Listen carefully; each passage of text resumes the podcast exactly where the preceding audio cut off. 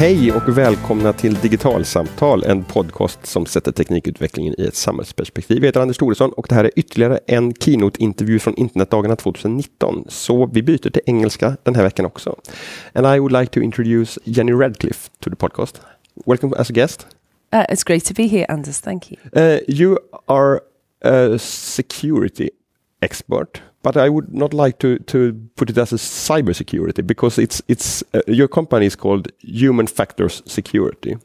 Right. Uh, so so it, it, it is about in, intrusion and hacking in into systems, but not by uh, use uh, explicitly using vulnerabilities in, in the technology, but using vulnerabilities in inside the people. Right. I mean, I think what most people don't understand, and it's certainly what I'm talking about today, is that the vast majority of cybersecurity breaches are down to human error or manipulation, which is social engineering.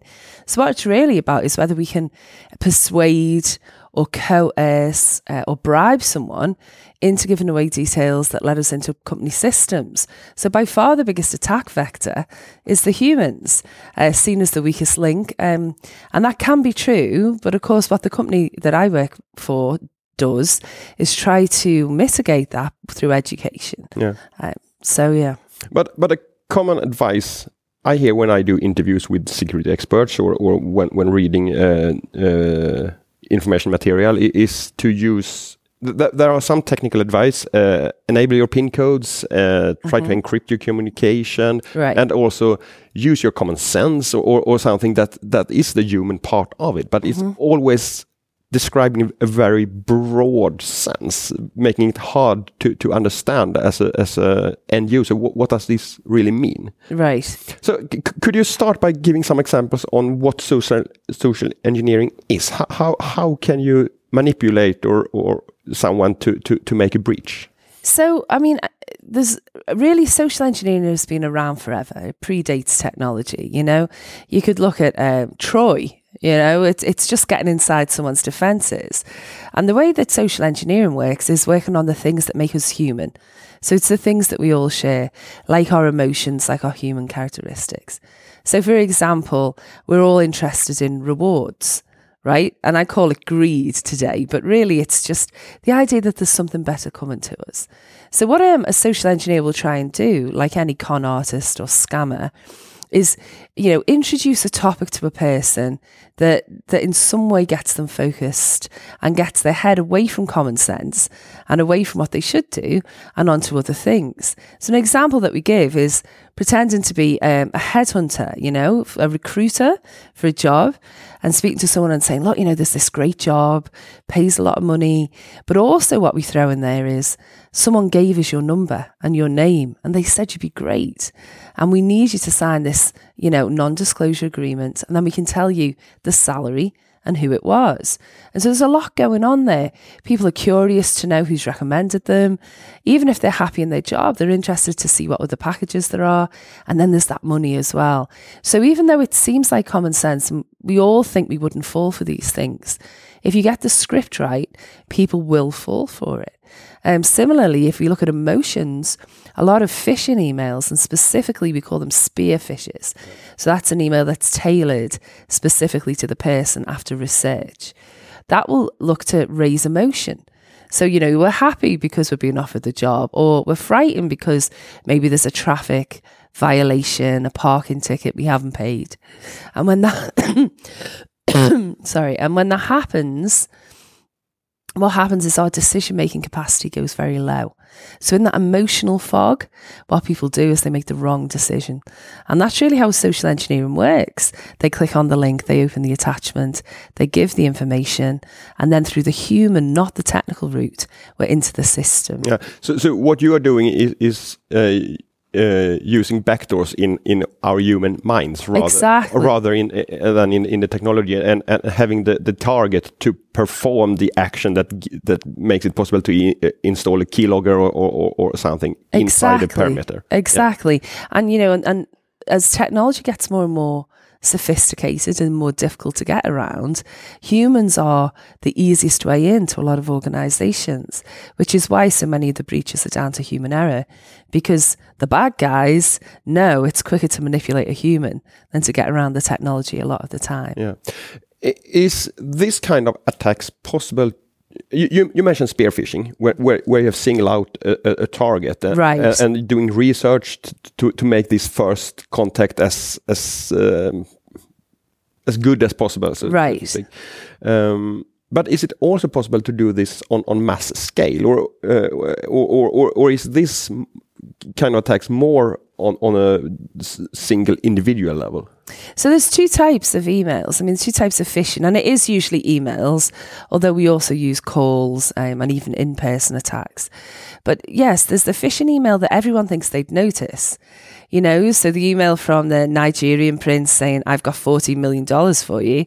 People think, well, that's really obvious. Um, and those type of emails, perhaps not quite as bad as that one, because every, nearly everyone spots that.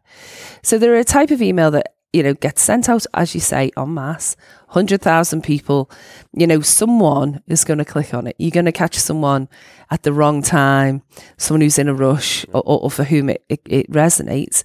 And a few people will click yeah. on that. And in the, those cases, the, the, the, attacker isn't actually interested in, in who he has a breach on, but it's getting someone to, to, to, yeah. to take the, the, the bait. right. And a lot of ransomwares like that as yeah. well. You know, ransomware goes out, there's leaked emails uh, and passwords out on the dark web.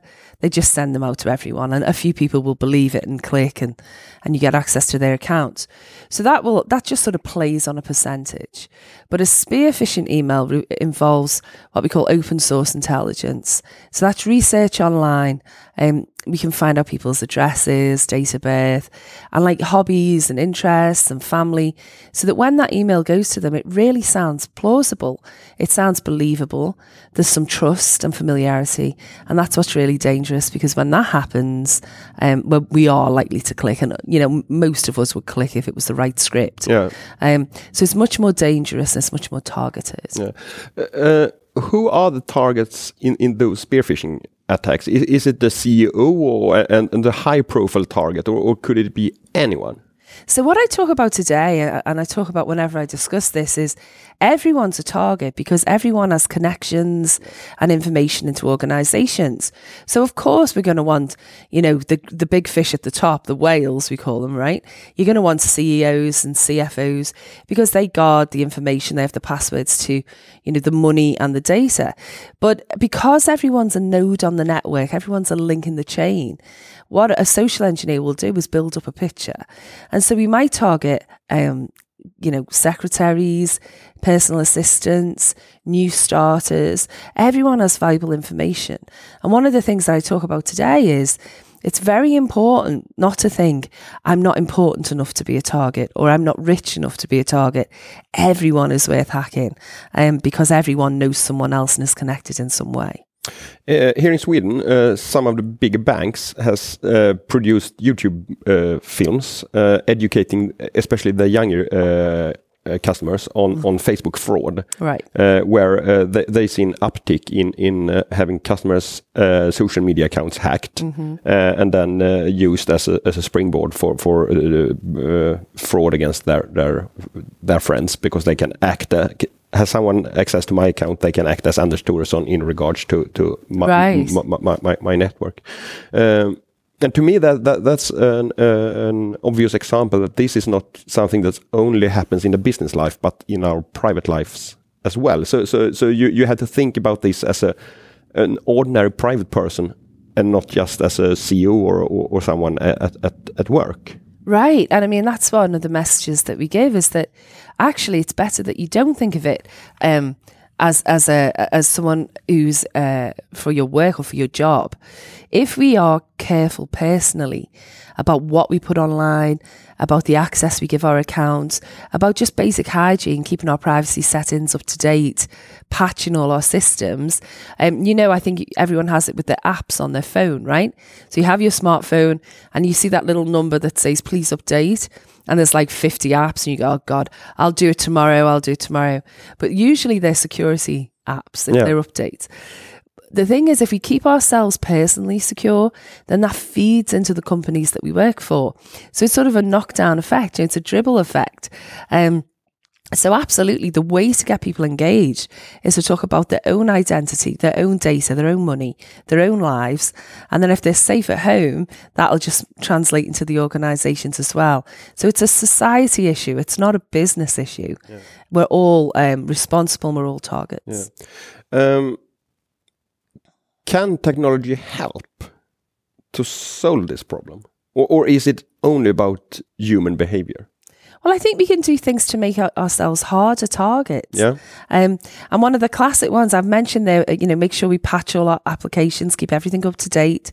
But we can also do things like use a password manager, which is something that's a little bit complicated if you're not a technical person, but is a lot less complicated than being hacked.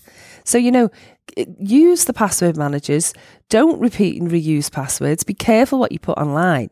And even though those are really simple things, it helps make you more difficult than the next person to hack.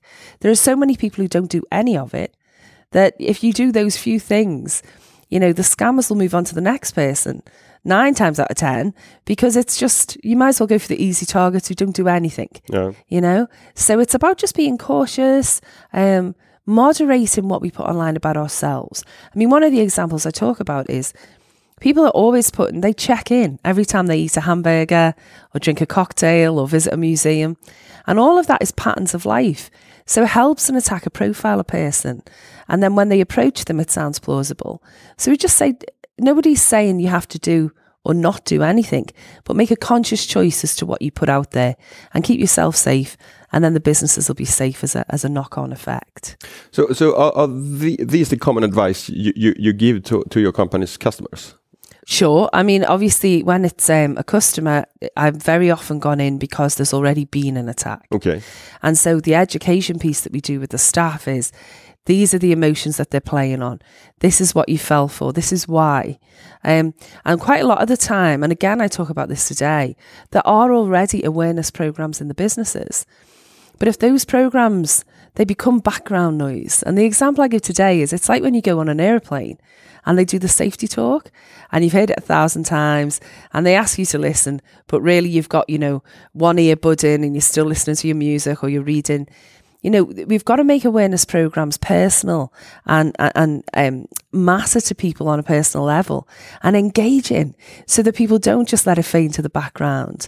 Because people get what we call security fatigue. They get sick of hearing about it, right? So, you know, I guess when it happens, uh, the bank will pay or it'll all be okay. So, really, what we do in business when we try and educate people is make those programs engaging and bring people in and ask the people to tell us what they think is a risk. So it becomes part of the culture and the conversation within yeah. businesses. So, so, you don't think that the secure uh, IT department are, are just trying to annoy you with, with requirements for, for VPN on, on public Wi-Fi and and uh, pa password policies, etc. To, to, understand that th these are policies that actually are in place because they are needed. Sure, but the problem is, is that your IT department um, isn't necessarily a communications department. They're not necessarily internal marketing, um, and so what we need to do is make sure that those messages that need to go out to all the staff are the type of messages the staff listen to. So we always say within businesses, what worked before? You know, you, you must have had safety briefings or policy briefings within businesses before.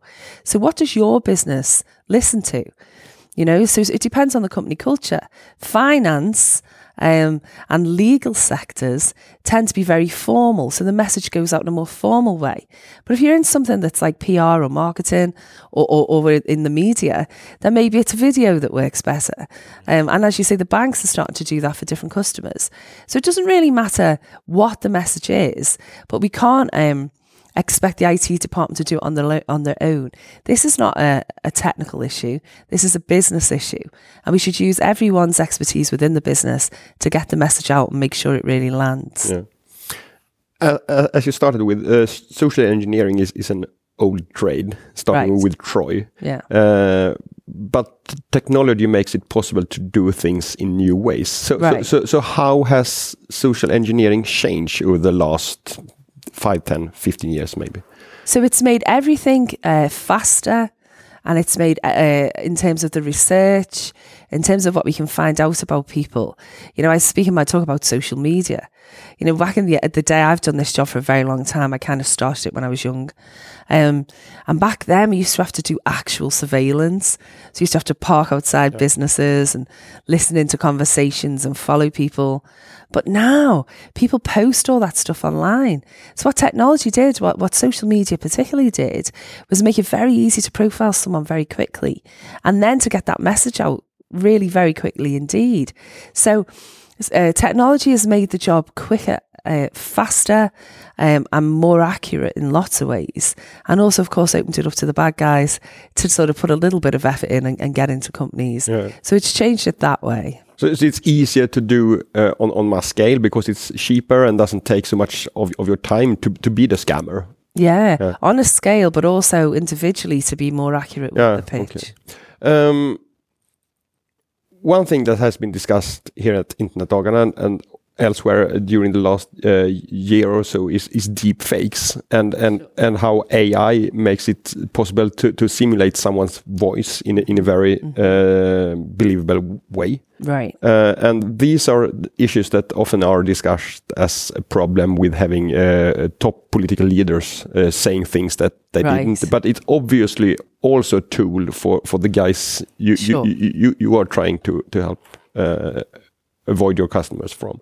So, so, so what, what are your thoughts on, on, on how technology will make, will give the scammers even better tools to, to, to do their work? So I'm asked about deepfakes a lot, and obviously it's very worrying. You know, yeah. I mean, if you analyze some of the videos, you can see that it's not the person. I mean, obviously the message is one thing, but um, sometimes you know you can sort of tell. But let's assume that you can't tell. It's the message that's the most important thing, and this is what we educate people on and try and get people to notice. If someone makes you emotional, so if they make you angry or frightened, or if something sounds too good to be true, that's a red flag. First thing. Second thing, if someone mentions money in any way, shape, or form, particularly on romance fraud, you know, um, that should be a red flag. And what you do is you step back away from the situation, give yourself some time, think about it, maybe talk it over with another, uh, with a friend or a member of the family. Um, and then see how it sounds when it comes out your mouth, what they're asking you to do. Because in our heads and in that moment, it might sound very convincing. But if you have to articulate it and say it out loud, sometimes it seems very obvious that it wasn't true. And the third thing is, is if they try and get you to act in a hurry. So you need to do this now. It's important that you do it because we try not to give a, a target too much time to think. So basically, no matter who it is saying this to you, if they make you emotional, if they mention money and if they try and get you to take action in a rush, especially if it's outside the normal rules, then that should be a red flag and we should verify independently that message.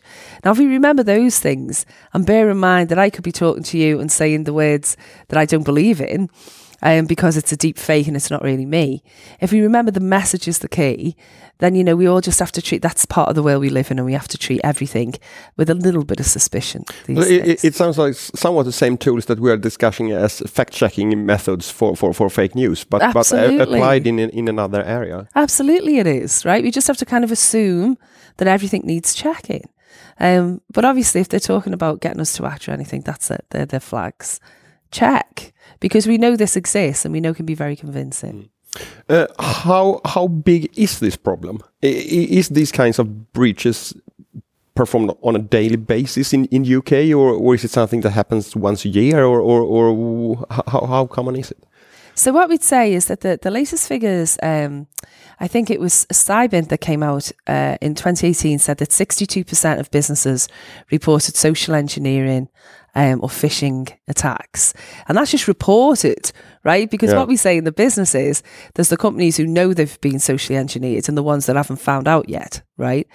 So the 62% of businesses reporting those types of attacks. We know that, and depending on who you look at, I think 88% was the Trend Micro figure. I think it was 95% were from Verizon. I think I've got the stats in the presentation. Um, we know that most of those are human error enabled. And then the University of Maryland said that there was an attack every 49 seconds. So, you know, it's, it's, it's a massively growing problem. I think the reason it looks so much, um, it seems to be so many more attacks is that people are reporting it more and logging it more um, as well. So uh, the thing is not to be alarmed. Of course, the more techno- uh, technology we use and the frequency we use it means that we are going to be um, attacked more. There's another attack vector open for Um, but it's an increasing problem because it's easier than the tech, as we said at the start. And that's really uh, why we all need to be mindful. Mm.